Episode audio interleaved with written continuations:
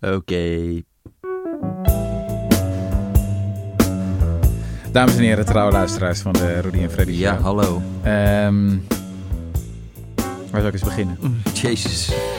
Jesse, ben je filosofisch nog steeds knock-out? Of ben je wel een beetje hersteld? Ik ben er helemaal week? niet mee bezig geweest. Nee, je bent Nee, helemaal ik niet... ben de rest van mijn leven heb ik dat hele verhaal over dat er geen vrije wil is gewoon vergeten. bent ben niet ik verscheurd geweest door verder gegaan in de veronderstelling twijfel. dat ik gewoon eh, helemaal vrij ben om te kiezen. Ja, en al die andere Net zoals. Jurien trouwens, vermoed ik. Ja.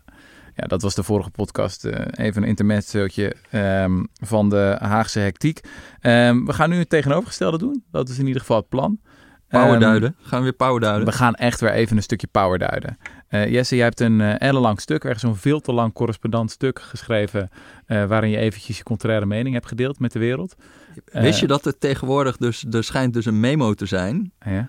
dat als je een stuk langer dan 1500 woorden wil schrijven bij de correspondent, dat je nu echt een goede uitleg moet geven. Echt? Maar dat memo had mij nog niet bereikt. Nee, 1500 woorden, dat is echt een notitie. Daar kan je niks in zeggen. dat is, Dat is de voetnoot. Ja. Dat, dat begint het een beetje. ja, ja, ja. Nee, ik kan dat ook echt niet meer. Het lukt mij niet meer goed om een column of zo. Pff, ja, ja. hoe moet je dat schrijven? Maar het is ook, eh, ik moet zeggen dat ik het ook wel een heel onbevredigend genre ben gaan vinden. Want de column is een beetje dat je heel goed zegt wat eigenlijk iedereen al vindt.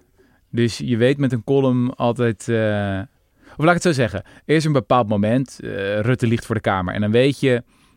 eh, iemand die nu heel goed gaat betogen dat Rutte de Pinocchio is. En dat het, weet je wel, dat we dat al tien jaar weten. Maar nu, bla bla bla, die gaat helemaal. Die ja, gaat helemaal. Ja, ja, ja. En dan is dat een tijdje. En dan op een gegeven moment, over nou, drie of vier dagen, dan is er een markt voor de contraire mening. Iemand die zegt, nou, het is allemaal Haagse, hij is Haagse hectiek, weet je wel, bla bla bla. Gaat over de poppetjes, niet over de inhoud. Dan kan die column helemaal viral gaan. En dan krijg je, je- Bas Heijnen uiteindelijk, die Ja, zegt precies. dat het allemaal Bas de die zegt het, van het eh, humanisme ligt. Het gaat over het Nederlands onbehagen, zoiets. Maar het is een soort van, je kan het zo uittekenen van tevoren vaak. Van oké, er is een markt voor die column, de Rosanne Hertzberger column, de Sander Schimmelpenninck column. De Rob. Wijnberg column. Ja, de Rob Wijnberg column, die zegt dat de media heeft het gedaan. I don't know. Ehm, Heeft hij wel een goed punt, hè? ja, daar heeft hij ook wel een goed punt. Ik zeg ook niet dat het helemaal verkeerd is. Sommige punten moet je ook gewoon vaak maken voordat ze landen. Maar eh, Ja, wij hadden op een gegeven Ja. moment altijd bij, eh, na zo'n terroristische aanslag, eh, dat je zo'n... oh ja, ja dat standaard de de column. Ja, ja. De standaard correspondent column was van...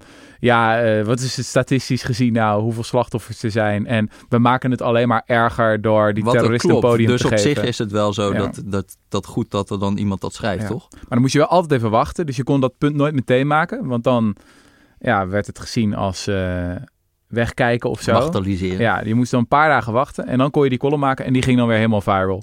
En trouwens, dat leverde dan ook weer heel veel leden op. ja. Wat echt, dat is ook een van de ironieën geweest van de correspondent in de afgelopen acht jaar. Is, Gaat toch wel lekkerst op de waan van de ja, dag. daar hè? gaan we het allerlekkerste op. Ja, terroristische aanslagen, Baudet. verkiezingen van autocraten. Ja. eh, dat is het beste wat Ja. we krijgen, kunnen ja. krijgen. Dus blijf die bagger ledenaantal. produceren, mensen. Wij gedijen er goed bij. Ja, nou, wat dat betreft zijn het gouden weken geweest. ja, ja. Ehm, laten, we even, laten we gewoon even helemaal weer beginnen bij het begin. Ehm, het begint met een fotograaf die een foto maakt van een eh, memootje waarop staat omzicht functie elders. ja. En neem me dan eens even mee door de alternatieve geschiedenis van Jesse Frederik.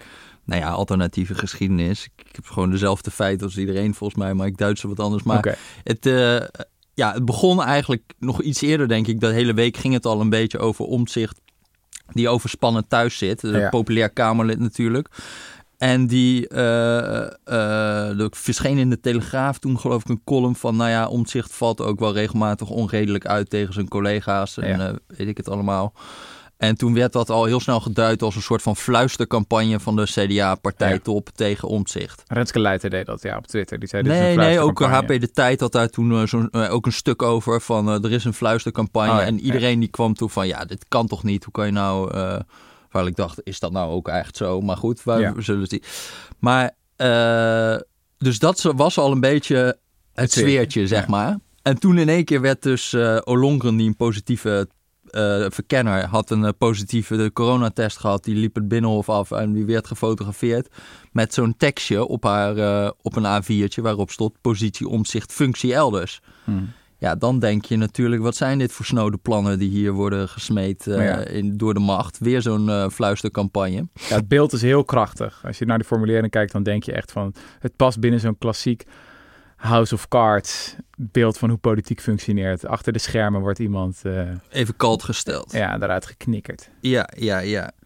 En toen, eh, nou ja, toen was heel snel ook de verdenking van, ja, wie, eh, wie, wie zou dat dan hebben gezegd? Want het zou dan uit die gesprekken komen. En dan Mhm. was natuurlijk die snowdaard van een Mark Rutte, Ja, die een hekel heeft aan, eh aan omzicht. Althans, dat wordt dan gezegd. Mhm.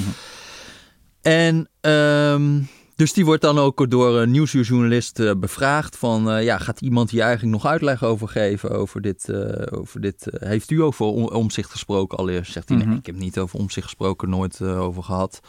En eh, gaat iemand hier over uitleg over geven? Nou ja, die verkenners waren inmiddels eh, weggegaan. Mhm. En dus zei hij van, eh, nou ja, nee, die zijn nu niet meer verkenner. En de nieuwe verkenners kunnen er ook geen uitleg over geven. Dus niemand gaat hier uitleg over geven. ja, Ja, toen had iedereen zoiets van, ja, dag. ja. Dit gaan, we, dit gaan we dus even niet doen. We Ja. willen gewoon nu horen hoe dit in elkaar steekt. Dus dat galmde al de hele tijd rond. Maar die hele Tweede Kamer was nog niet geïnstalleerd. Maar er werd al wel aangekondigd van, ja, we willen wel even uitleg krijgen. ja. Terwijl die oud-verkenners hebben nog een brief gestuurd van... nou, eh, we bevestigen eigenlijk die lezing van eh, Rutte. Van, eh, nou, de, we, we hebben niet met fractieleiders over omzicht gesproken. Mhm. Maar we willen best eh, nadere inlichtingen geven in een debat. Mhm. Nou, toen was die Tweede Kamer geïnstalleerd. En toen ging, was eigenlijk de eerste vraag van Geert Wilders was... ik wil een debat, maar voordat we een debat gaan hebben... wil ik ook alle gespreksverslagen van die verkenners...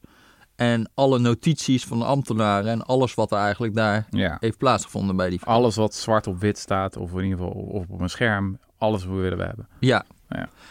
En daar moet je ook wel zeggen dat dat wel een beetje raar is. Want je, want je hebt eigenlijk eh, afgesproken dat je in vertrouwelijkheid al die gesprekken voert. Mhm.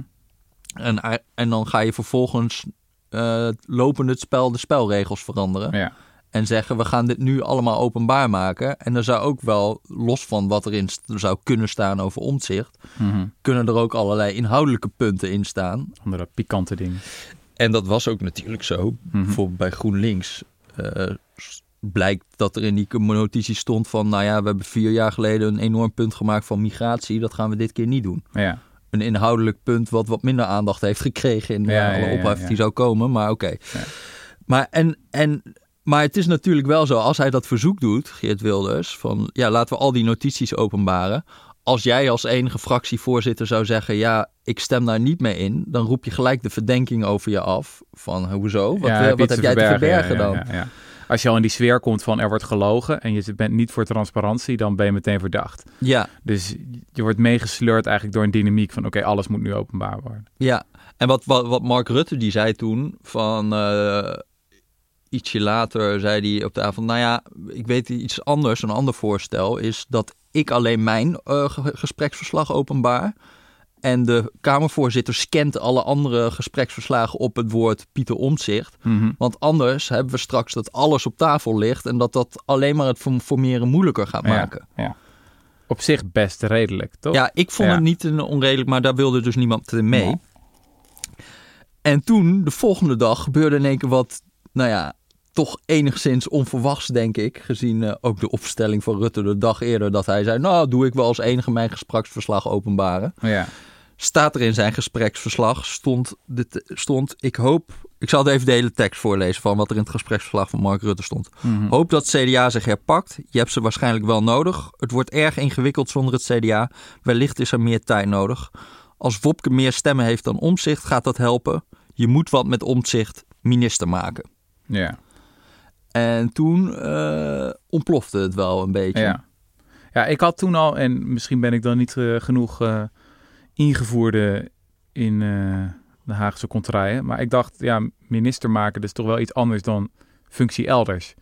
Toch? Een minister, is, je bent er niet een soort van su- superkneus. Het is best een machtige post, toch? Ja, Dus, ja nou Ja.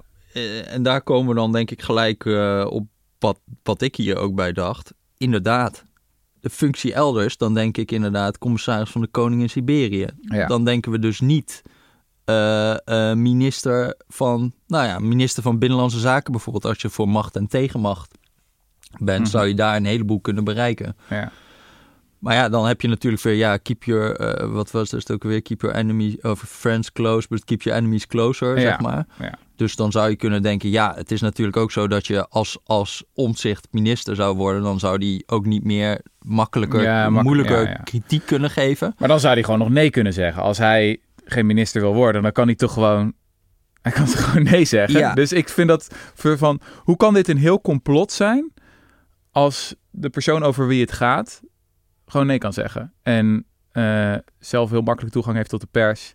Wat is het? Vijf zetels heeft een voorkeurstemmen. Hele sterke positie binnen het CDA. Als hij een eigen partij begint... Wat is het? Zou het meer dan twintig zetels zijn? Ja, Eh, dat is dan nu even de peilingen. ja, ja. ja. Vraag is of dat in de praktijk ooit zal materialiseren. Maar in de, bijvoorbeeld iemand die eh, eh, behoorlijk wat macht zelf heeft. Ja, hoe, hoe kan dit soort van een House of Cards-achtig complot zijn? Je hebt helemaal niet de leverage over hem om hem, om hem weg te sturen. Nee.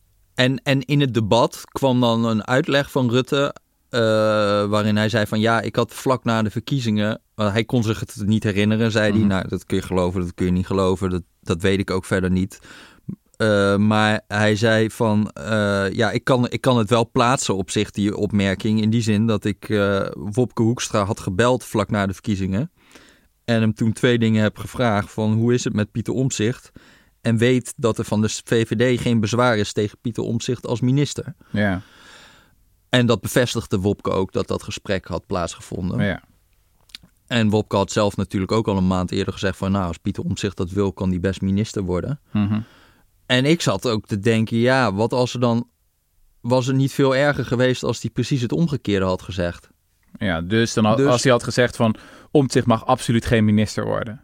Ja, toch? Kosten wat kost voorkomen dat Omtzigt Wij, minister wij, wordt wij worden. van de VVD vinden het onacceptabel dat...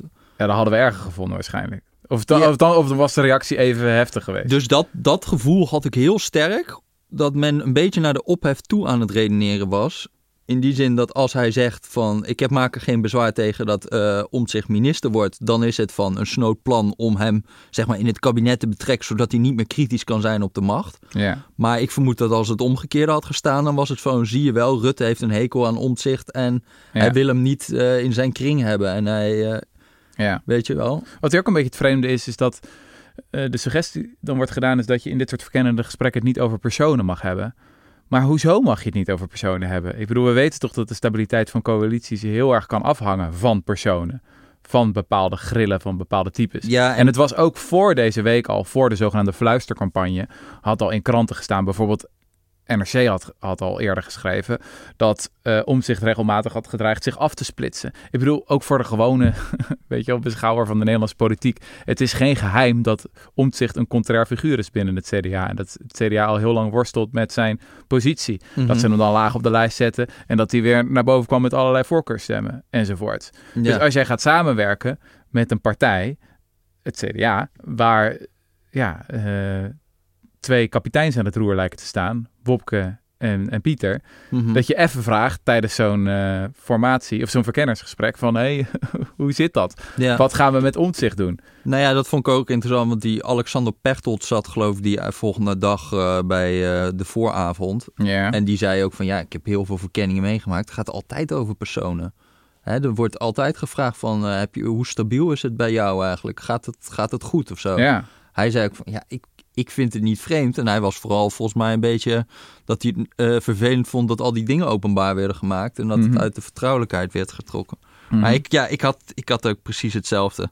Kijk, en wat er natuurlijk dan overblijft, is ehm, dat, dat Rut, eh, Rutte gelogen had. ja. Dus hij had gezegd, ik heb het niet over omzicht gehad.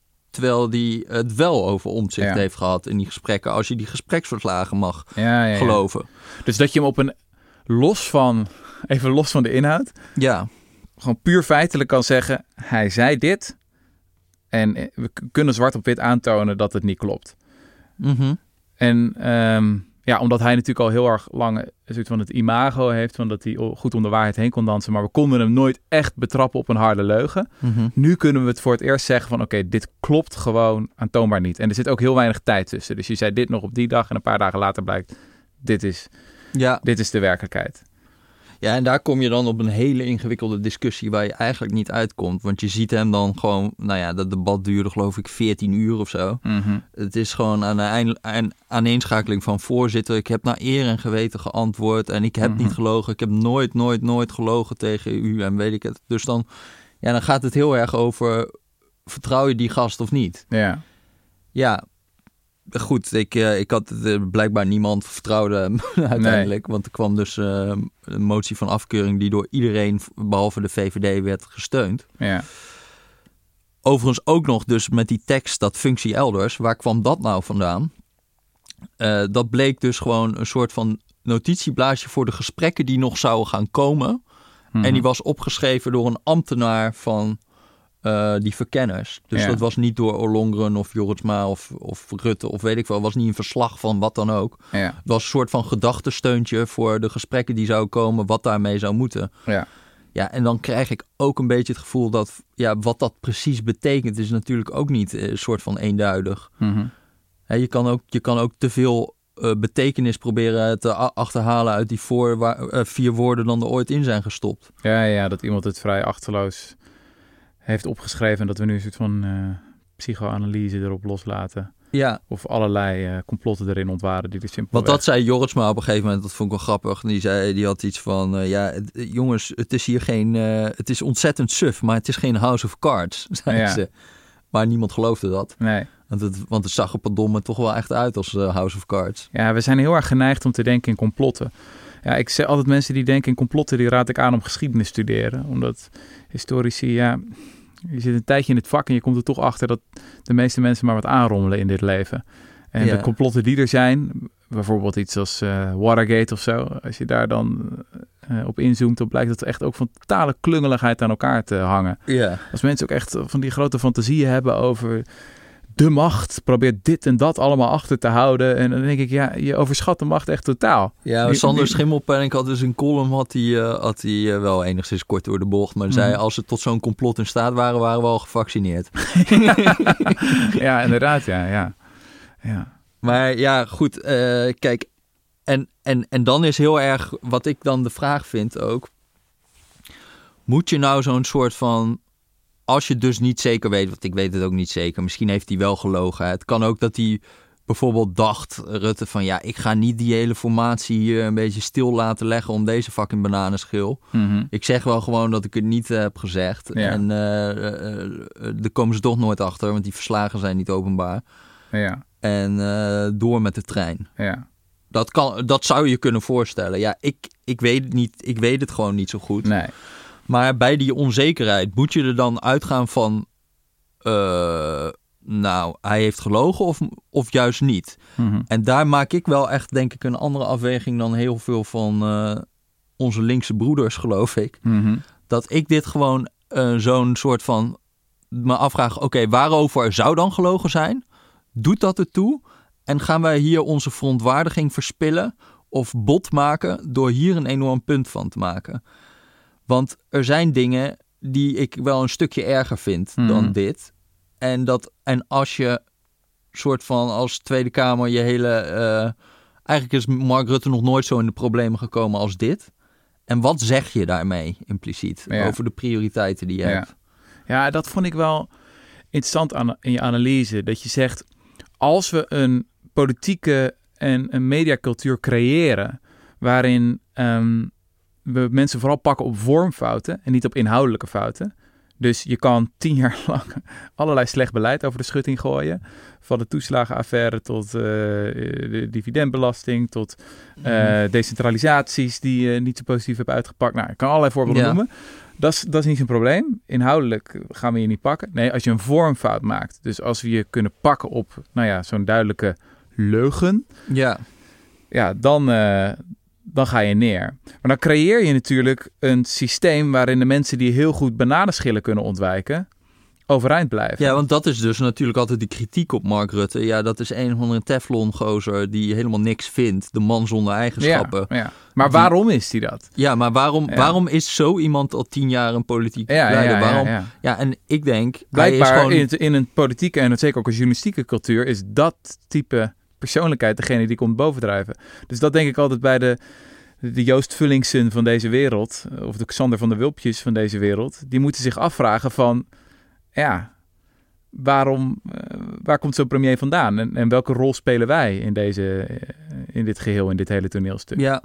ja, want dat vind ik dus het pijnlijke. Hè? Dus dan, dan nou, ik noem gewoon een voorbeeld. Hè. Die fraudewet, daar hebben wij het ook met Gijs Vonk toen een paar afleveringen terug over gehad. De over professor de bijstand. Groningen, ja. ja. Ja, pro- professor Sociale Zekerheid in Groningen. En dat, dat, ja, daar wordt dan gewoon een wet ingevoerd dat iedereen die een klein foutje maakt in de bijstand, Mhm. dat die eh, eh, meteen al het hele bedrag moet terugbetalen waar die dan, eh, nou ja, waar die dan profijt van had, plus een boete van 100%. Mhm. Nou, er wordt al op voorhand gewaarschuwd door gemeenten. Ja, Mhm. jullie vragen ons nu om mensen gewoon te gaan beboeten en te gaan begraven in problemen, zodat straks onze schuldhulpverlening die mensen weer mag gaan opgraven.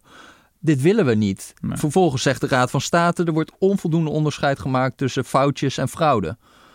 En nou, maakt allemaal niet uit. Wet wordt gewoon doorgevoerd. En twee jaar later constateert eh, de ombudsman... ja, hé, hey, inderdaad, er zijn echt waanzinnig veel mensen de dupe geworden... van deze veel te barre wetgeving... en moet alles weer teruggedraaid worden. En er moet er meer onderscheid worden gemaakt tussen foutjes en fraude. Ja, maar goed, daar had Rutte niet over gelogen. Dat had hij gewoon gedaan. Weet je wel? Ja. Hij heeft het gewoon naar eer en geweten Hij heeft, verdedigd. hij heeft, hij heeft in naar eer en Kamer, geweten ja. heeft hij gewoon die barre wetgeving doorgevoerd. Naar eer en En geweten waar- mensen kapot gemaakt. En dan, ja. en dan geen 14 uur durend marathondebat. Hè? Nee, niks. En dat is wel het, het, het, pijnlijke van die ja, politieke cultuur. Waarin we dus vooral eh, verontwaardigd zijn als het om dat soort eh, dingen Ja. gaat. Ik, ik zal, dat, Maar het is ook entertainment, toch? Dat is wel volgens mij. Ik bedoel, een de- 14 uur durend marathondebat over de inhoudelijke details van de dividendbelasting. Ja, ik weet dat jij ervan smult, maar ik denk de meeste van ons niet zo. nou, ik, ik, kijk, bedoel, ik heb ook gewoon zitten kijken naar die, eh, naar, eh, naar die hele Rutte-ding. En dat was ook natuurlijk ook goede Ja. tv. Wat was het op eh, in totaal 3 miljoen mensen of zo die op enig moment hadden gekeken? Ja, nou, dat krijg je niet voor de gemiddelde commissievergadering, Nee. gok ik. Maar het is natuurlijk ook interessant, omdat het, het is natuurlijk ook makkelijk te volgen. Het gaat over een hele simpele vraag. Heeft hij wel gelogen? Heeft hij niet gelogen? Ja, ja, ja. Je hoeft niet zoveel inhoudelijke kennis, Nee, het is bagage gewoon, te eh, hebben. het je kan gewoon de televisie aanzetten. Het is gewoon Cluedo. Ja. Maar nog even, En- ik zat wel te denken, advocaat van de, eh, nou de duivel, weet ik niet, eh, van de andere kant bekeken. Zou je niet kunnen zeggen van, oké, dit is een bananenschil. Eh, of dit is misschien niet de kern van het eh, probleem met het premierschap van Mark Rutte. Of de bestuurscultuur die in de afgelopen jaren is ontstaan. Maar eh daar moet je niet zo over miepen, want het legt wel structurele, dieper gewortelde problemen, legt het bloot. Dus ja, natuurlijk, je kan een beetje gaan... eh, Welk probleem vraag ik de hele tijd af? Nou, Want iedereen het- zit dan de bestuurscultuur, omdat het dan wel weer deftig klinkt. Omdat ja, je eigenlijk ja, naar een politieke Dualisme, soci- macht en tegenmacht. Ja, ja. Nee, ja, prima. Maar wat, wat, waar heb je het precies over? Ja, eh, nee, maar oké, maar ik snap, ik snap dat dus gewoon niet zo nee. goed. En, en, en ik vind ook, ik vind ook uit een soort pragmatische overweging. Ik bedoel, je kan zeggen, we gaan even machiavellistisch. Eindelijk kunnen we die eh hufter van een Rutte een keertje pootje haken. We vinden hem allemaal niks. Ja. Nou, dan kunnen we hem niet over de fraudewet pakken. Dan pakken we hem hier wel op. Dan is hij eindelijk weg. Ja, eh, ik vind dat op pragmatische gronden vraag ik me af of, of we van Sander Dekker veel blijer worden hoor. Een van de rechtse houtdegen die in zijn, eh, in zijn plaats dan komt. Ja, ja, je hebt het probleem niet opgelost of zo. Nou ja, Nee. nee, ja ik geloof dat het dus niet er- zoveel implicatie... Ja, behalve dat misschien je dan zou kunnen zeggen... Mark Rutte is wel populair, dus bij de volgende verkiezingen... zou de VVD dan misschien niet winnen met Sander Dekker. Nou ja, maar dan... Zoiets, ja. Maar Ja. waar gaan die zetels dan naartoe? Ja, Niet naar de Partij voor de Dieren meteen. nee. Nee, ja, en ja, goed. Ik, eh, dus ik, ik, zie, ik zie dat ook niet echt hoor. Dat mensen dan zeggen, ja, maar dit gaat over iets groters. Ja, volgens mij probeer je dan eh, een beetje een escape voor jezelf te regelen. Want ik zie het gewoon niet zo goed. Want even als we inzoomen op dat betoog. Wat mensen dan zeggen is van, we moeten naar een, een andere bestuurscultuur... waar bijvoorbeeld de regering makkelijker informatie deelt met de Tweede Kamer. Dus als de Tweede Kamer Kamervragen stelt... dat er netjes en op tijd ehm, de vragen worden beantwoord. Ja. En dat eh, je niet de hele tijd door hoeft te vragen. Ja. enzovoort. Dus dat de omzichts in de Kamer beter bediend worden. Ehm, dat er ook ehm, meer ruimte komt voor leden van de coalitie, die Tweede Kamerleden van de coalitie, om hun eigen kabinet te bekritiseren. Dat niet van tevoren alles al dicht getikt is met een regeerakkoord. Mhm. Weet je, dat voor vier jaar alles vast ligt. En ook al zit er gewoon een lelijke rotte wet in. Dat het zo is, ja, we hebben het nou helemaal afgesproken een paar jaar geleden. We gaan het alsnog doen. Dat klinkt mij allemaal wel behoorlijk redelijk in, in de oren. Dat je zegt van oké, misschien is dat inderdaad in Nederland een beetje doorgeslagen. Die coalitiecultuur, dat we in de formatie ja, Ja, tot dat- zoveel decimalen achter de komma afspreken van hoe we het moeten gaan doen. En dat er vervolgens geen ruimte meer is voor, ja, voor de taak van de Tweede Kamer, van controle. Ja. Dan willen we dit echt nog wel? Ja, daar ben ik het. Daar ben ik het misschien ook wel mee eens, maar ik heb er de laatste tijd ook meer over na zitten denken. En ik weet niet of. Laat ik een paar afruilen noemen waar, waar ik dan over nu over nadenk. Ja. We, we zitten nu in een Tweede Kamer waarin feitelijk de PVV en Forum voor Democratie buitenspel staan. Die gaan Ja. nooit meedoen aan een regering, want niemand wil met ze regeren. Ja, Als we dus op dit moment zouden besluiten, we gaan meer besluitvorming eigenlijk de facto niet in regeerakkoorden regelen, maar leggen we in de Tweede Kamer, dan is er nu een dikke rechtse meerderheid. ja. Ehm, wat vinden wij ervan? Kijk, nu zou je in een regeerakkoord waarschijnlijk allerlei migratiebeleid alvast vastleggen, van dat gaan we sowieso niet doen. Ja, dat linkse partijen zeggen, leg het sowieso vast. Ja. Anders gaan we niet in die coalitie, want we zijn anders bang dat het allemaal de Ja, verkeerde kant op gaat als we het vrijlaten. maar dan zou je nu dan straks misschien in de Tweede Kamer allemaal deeltjes kunnen krijgen tussen CDA, VVD en PVV, waardoor je dat beleid toch kan gaan krijgen. Ja. Zijn wij daar dan blij mee? Het is eigenlijk dan in het belang van de VVD om een dun regeerakkoordje Ja, te hebben. Die zullen ik. zeggen, ja, dat is prima. Ja, Dan dat, gaan wij wel deeltjes sluiten met eh, Wilders en, en Baudet. en, en dat is natuurlijk in een regeerakkoord. Eh, worden, eh, kijk, als het alleen om zeteltal gaat, Mhm. dan staat links er op zich niet heel goed voor. Nee, Maar in een regeerakkoord gaat het niet alleen om zeteltal, maar gaat het over, wordt binnen die regering, zijn de verhoudingen ietsje eerlijker dan het zeteltal Ja, doet ja, vermoeden, ja, snap je? Ja, dat is natuurlijk heel ironisch aan het bestaan van de PVV en Forum voor Democratie. Is dat ze eigenlijk links machtiger maken. Omdat ja, zij zijn, zijn zo dus rabiaat dat ze worden buitengesloten door CDA en VVD. Waardoor CDA en VVD sowieso met linkse partijen moeten gaan.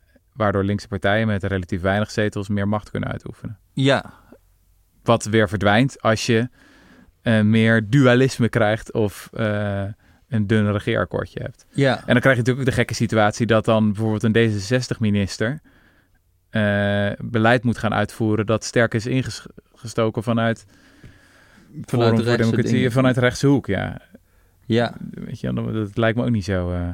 Daarbij is natuurlijk wel de aantekening dat de PVV, als ze dat willen doen, wel een beetje ietsje anders in de wedstrijd moet gaan staan. Iets serieuzer moet worden, want die, daar komt nu helemaal niks uit. Nee, dat nee, vind ik ook altijd i- ironisch, dat die, die fracties, eh, je hebt steeds meer van die fracties die gewoon alleen maar meubilair bezetten en eigenlijk niks constructiefs bijdragen en alleen maar idiote kamervragen stellen. En dat bedoel ik, als e- enerzijds is dat natuurlijk een soort van waardeoordeel dat ik gewoon wat hun hun partij sowieso stom vind. Maar volgens mij is het ook wel te betogen dat zij ook niet serieus zijn in hun kamerwerk. Ja. Dus wat dat betreft. Maar het is wel eng als zij dat wel worden. En als er dan eh, over rechts allerlei deals kunnen worden gesloten. Dus dat is een afweging die ik zou hebben voor linkse mensen die nu heel enthousiast zijn over een dun regeerakkoord. Ja. Vooral op dit moment. Ik, Be careful ik what weet you het wish niet. for, Ja, ja. be careful what you wish for. Ja. En ik denk ook, en daar ben ik, ik heb toch een iets minder hoge pet op van het parlement dan menigeen misschien eh, nu in de media heeft. Ja, ik, eh, ik zie zeg maar met 18 fracties in de Tweede Kamer en ja, die zich over steeds meer dossiers moeten gaan buigen, zie ik dat die, dat, dat inhoudelijke, die inhoudelijke bijdrage, en het is toch ook een beetje vakwerk, vooral met wetgeving, Ja. dat dat wel slecht uit de verf gaat komen. Ja. Ik bedoel, ik zag een tweetje van eh, Don Seder van de ChristenUnie. Nou, die zit er nog in met vijf zetels of zo. Mhm. Die tweette van, eh, over zijn portefeuilles. Armoede, schuldhulpverlening, participatiewet, jeugdbeleid, binnenlandse zaken, koninkrijksrelaties, digitalisering, vreemdelingenzaken, migratie, buitenlandse handel en ontwikkelingssamenwerking. En de zin van het leven. en de zin van het leven. Ja. ja, nou dan denk ik prettige wedstrijd, Don. Ja. Dus dat is niet ja, te doen, toch? dat wordt dat Alleen wordt al één van die dossiers zou je al jarenlang op stuk kunnen bijten. Dus, dus daar zit ook wel een soort van vraag van... oké, we zijn voor meer tegenmacht... en voor meer soort van dualisme... en een grotere rol voor de Tweede Kamer. Mhm. Maar vergt dat niet ook iets van die Tweede Kamer? Ja. We kunnen heel makkelijk zeggen van die regeerakkoorden moeten dunner. Ik vond het wel een goede bijdrage. Die eh, gast van de SGP, Kees van der Staaij, die zei... eigenlijk moet je niet alleen een regeerakkoord afspreken... maar ook een controleerakkoord. Hoe gaan wij het nu invullen de komende vier jaar? Want als we het- hetzelfde doen als wat we eerder deden... heel veel incidentenpolitiek... ja. Hè, moeten we onszelf ook niet disciplineren?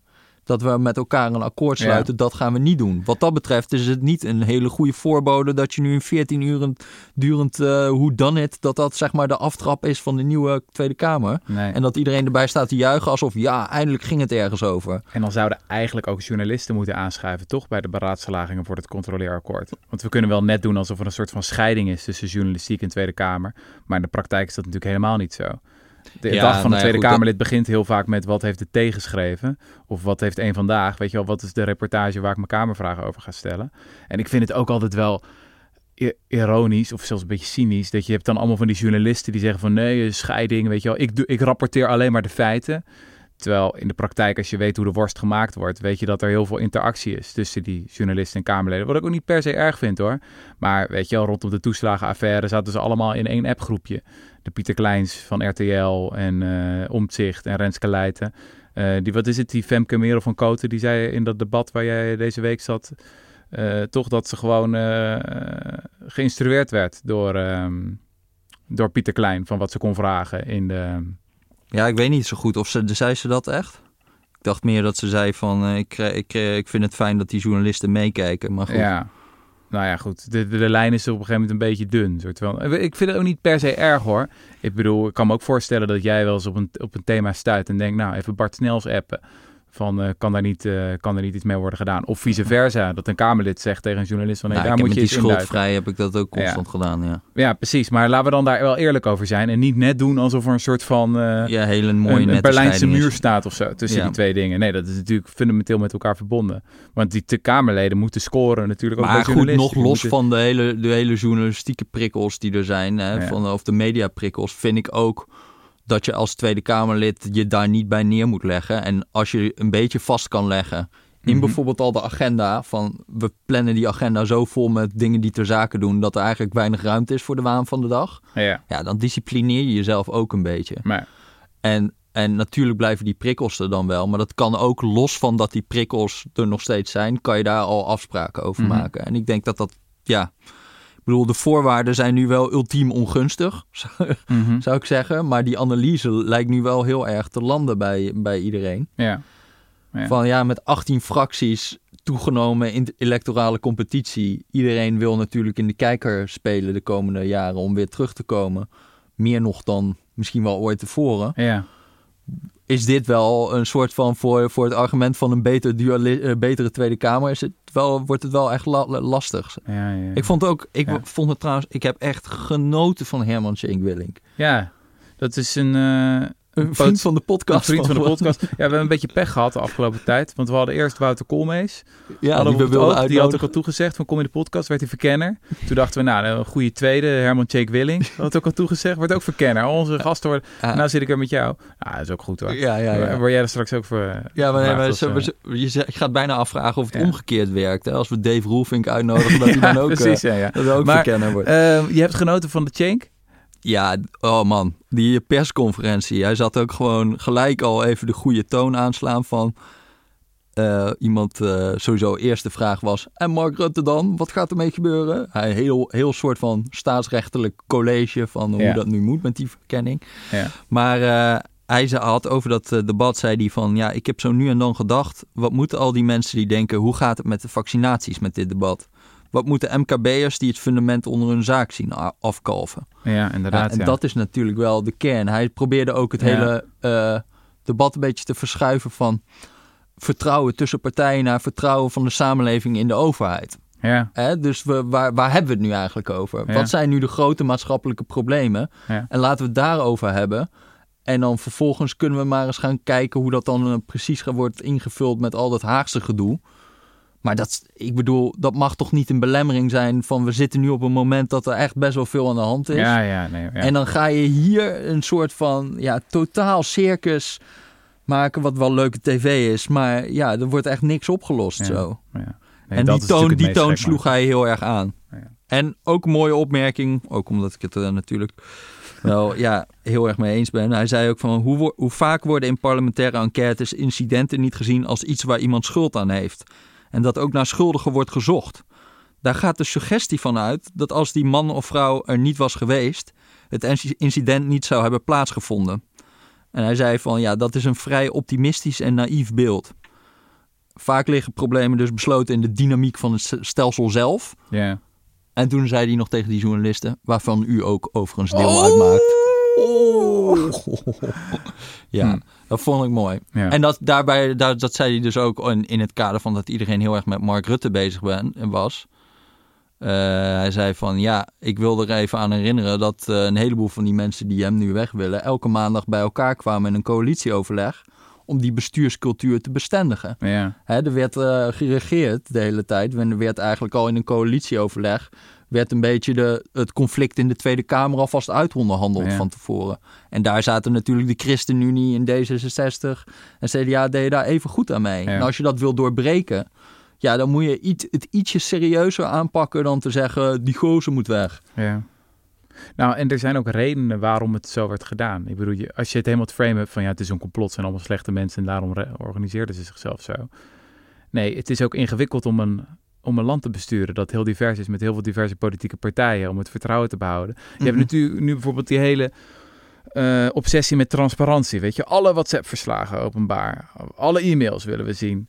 Ah, ik, heb, ik word daar heel ongemakkelijk over- van dat idee, een soort van die obsessie met transparantie. Ja, en nog iets anders dat, wat ik daarin vind met die transparantie is het idee dat er eh, zeg maar nu te weinig informatie is. Dat is volgens mij een fundamenteel verkeerde analyse in die zin dat er nu al veel te veel is om te lezen. Hmm. En niemand al die shit leest ook. Dat valt mij ook altijd op. Oh, die rapporten worden volgens mij ook helemaal niet allemaal van kaft tot kaft gelezen. Mhm. Eh, en als je dan gaat vragen van, nou ja, stuur ons nog meer. Ik, ik, ik, ik vermoed dat het niet eens gelezen gaat worden voor een heel groot gedeelte. Ook, ook juist het nog meer moeilijker maakt om hoofdzaak van bijzaak te gaan scheiden. Ja. En dat is denk ik de kern van, ik vind wel dat er een probleem is met informatievoorziening. Dat dingen vaak ook een beetje politiek gemotiveerde evaluaties zijn. Zo, ik herken dat allemaal. Maar het gaat vooral over dat je dus ervoor kan zorgen dat de relevante informatie bovenkomt. En dat is niet alleen een kwestie van onwil van de macht om die informatie te sturen. Dat is ook onmacht van de macht om die informatie naar boven te halen. Hmm. Kijk, als het nou met die toeslagenaffaire bijvoorbeeld zo was dat ze bij de Belastingdienst exact wisten hoeveel gedupeerden er waren en wie dat waren en hoe dat in elkaar staat. Maar dat is dus niet zo. Ze wisten het zelf niet eens. Snap je? Ja. Dat is het pijnlijke. Ja. En eh, ja, goed. Dus, dus daar, daar is wel echt veel te winnen qua informatievoorziening. Maar het idee dat dat alleen maar alles op tafel, alles transparant. Daar gaat de suggestie van uit dat het onwil is en niet onmacht. Ja. Ja. ja. Nou ja. Is dit de hele alternatieve geschiedenis eh, die je in de aanbieding had? Ja, Ja, nou, ik vind het een mooie, ingewikkelde alternatieve geschiedenis.